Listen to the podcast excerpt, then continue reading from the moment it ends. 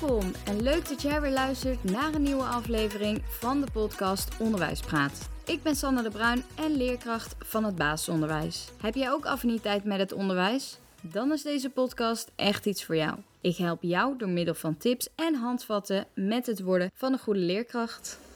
Deze aflevering gaat over het geven van breinles. Waarom heb ik deze aflevering gekozen? Omdat het belangrijk is om te weten hoe jouw brein werkt. En dus is het ook belangrijk hoe wij dit gaan aanleren aan kinderen. Ik vind de werking van het brein en het effect op het lichaam ervan ontzettend interessant. Ik heb me er dus ook best wel erg in verdiept.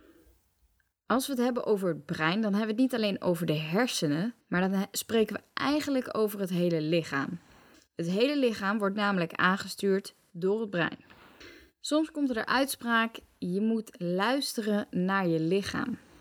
Op het moment dat je dat doet, laat je je dus eigenlijk leiden door je lichaam. Maar dan kun je bij jezelf afvragen: moet je je laten leiden door je lichaam of moet je je laten leiden door je brein? En wat nou als jij jouw brein en jouw lichaam kan controleren en weten waarom het zo aanvoelt? De werking van het brein is ontzettend complex.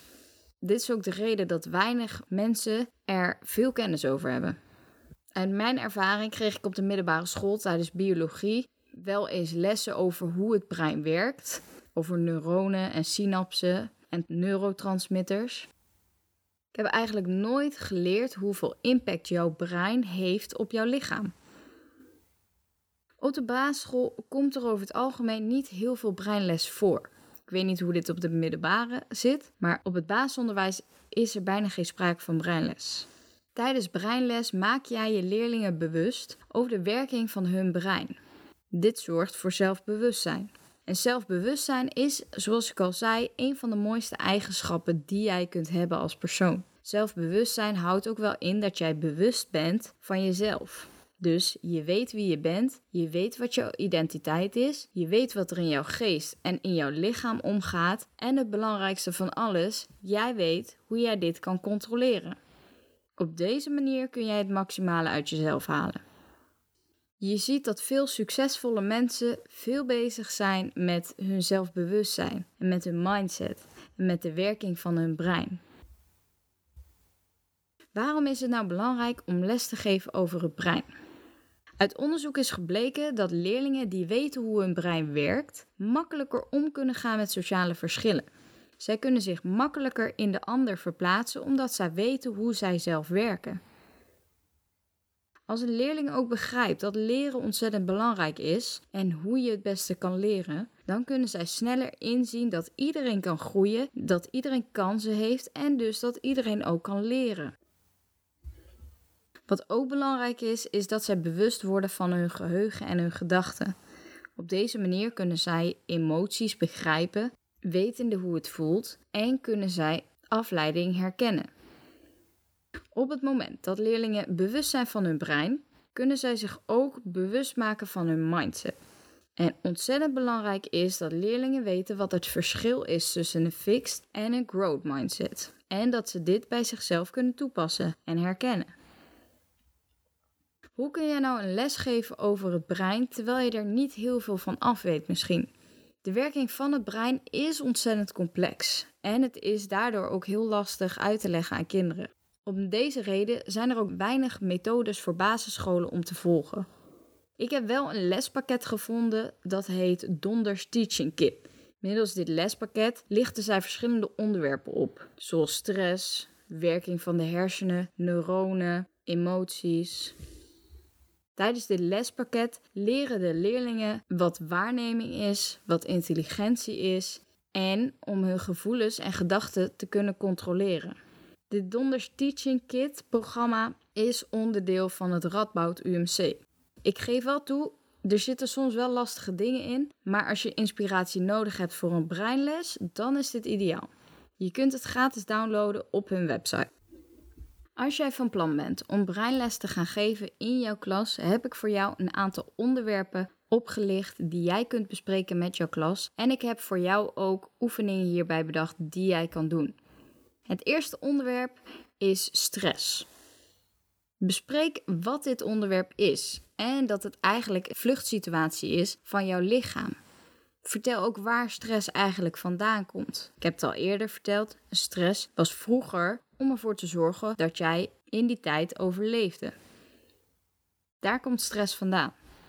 Bespreek ook hoe stress voelt en noem voorbeelden van een stresssituatie. Een oefening die jij hierbij kan doen is: jij noemt situaties op die bij leerlingen stress kan veroorzaken.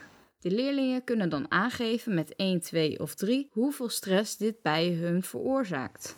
Hierdoor leren leerlingen zichzelf kennen en ook hun stresssituatie te herkennen. Het tweede onderwerp dat jij kunt oplichten is de werking van de hersenen.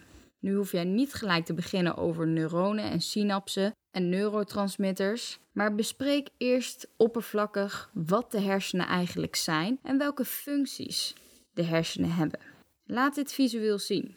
Een oefening hierbij kan zijn: laat de leerlingen een puzzel maken waarbij zij in elk deel van de hersenen de juiste functie neerleggen. Dus ze weten één deel is voor je balans, één deel is voor je schrijven, een deel is voor spreken enzovoort. Een ander onderwerp dat jij kan bespreken, wat ontzettend belangrijk is, zijn de emoties. Leer de leerlingen welke emoties er allemaal zijn, welke fijn zijn, welke niet fijn zijn en praat hierover. Leer ze waar deze emoties vandaan komen, hoe het voelt en hoe ze ermee om kunnen gaan. Een oefening hierbij kan zijn dat je de leerlingen een emotiespel laat doen waarbij ze raden welke emotie op het gezicht van de ander staat. En op het moment dat zij de emotie herkennen, bedenken zij een verhaal die zij kunnen koppelen aan die emotie, zodat zij ook gelijk de oorzaak ervan leren. Een ander onderwerp is het onderwerp affirmaties. Affirmaties zijn gedachten die je door herhaling steeds meer gaat geloven. Als je dit nog niet kent, is dit zeker iets waar je je in zult kunnen verdiepen. Dit is ontzettend behulpzaam en ontzettend interessant. Een affirmatie uh, werkt zo. Hoe vaker je de affirmatie tegen jezelf zegt, hoe meer je deze gaat geloven. Een affirmatie kan zijn, op het moment dat jij vaak in je comfortzone zit, ik durf risico's te nemen.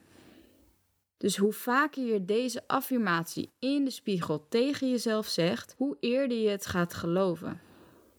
Affirmaties kun je ook ontzettend goed inzetten bij kinderen. Bijvoorbeeld oefening. Heeft een leerling moeite met zelfvertrouwen? Zet hem of haar voor de spiegel en laat de leerling een compliment geven aan zichzelf. En laat de leerling dit zo vaak mogelijk herhalen. Het liefst 21 keer. Dit is bewezen dat een affirmatie na 21 keer echt doordringt. Heeft een leerling moeite met spelling? Geef als huiswerkopdracht dat hij of zij een aantal keer, het liefst dus 21 keer, moet zeggen in de spiegel dat hij of zij goed is in spelling. Ik heb dit ook uitgevoerd. Zie eens wat er gebeurt. Het laatste onderwerp is ook zeker een onderwerp wat je moet bespreken en dat is maak de leerlingen bewust van hun mindset. Maak ze bewust van een fixed en een growth mindset. Praat hierover wat het is en wat de kenmerken zijn voor een fixed en een growth mindset. Maak ze ook bewust van het feit wat er gebeurt als je een fixed mindset hebt of als je een growth mindset hebt. Een oefening hiervoor kan zijn dat ze een kant moeten kiezen. Maak één kant van de klas Growth Mindset en maak één kant van de klas Fixed Mindset. Jij doet een uitspraak, telt af vanaf drie. Dan mogen de leerlingen kiezen of dit een uitspraak was van iemand met een growth mindset of met een fixed mindset. Daarna laat je het met ze overleggen zodat zij hun gedachten kunnen delen. Ik noem de onderwerpen die jij kunt bespreken in de klas nog even één keer op. Het eerste onderwerp was stress. Tweede onderwerp de werking van de hersenen. Derde onderwerp was emoties. Vierde onderwerp was affirmaties. En het vijfde onderwerp was mindset. Heb jij na het luisteren van deze aflevering nog vragen over het brein of hoe je les kan geven over het brein? Stuur mij gerust een berichtje. Ik zit vol met ideeën en ik vind het superleuk om met jou mee te denken. Dat was het weer voor deze aflevering. Wil jij deze podcast helpen groeien? Laat dan vooral even een review achter. Deel deze podcast in je Instagram story en tag mij erin. Als ik dit zie, dan deel ik het zodat wij elkaar kunnen helpen aan meer kijkers. Help ook je vrienden, medestudenten en collega's door deze podcast met ze te delen. En wil je nooit een aflevering missen? Druk dan even op de knop om deze podcast te volgen, zodat jij als eerste weet dat er weer een nieuwe aflevering online staat. En wil je meer van mij zien? Volg mij dan vooral even op Instagram, genaamd Onderwijspraat. Zo ben jij altijd optimaal op de hoogte. Hierop vind je foto's, filmpjes, quotes en aankondigingen van nieuwe afleveringen. Stuur mij vooral een berichtje of reageer in een comment. Vertel wat je ervan vindt en waar ik jou mee kan helpen. Bedankt voor het luisteren naar deze aflevering. Ik zie jou volgende week bij de volgende. Doei doei!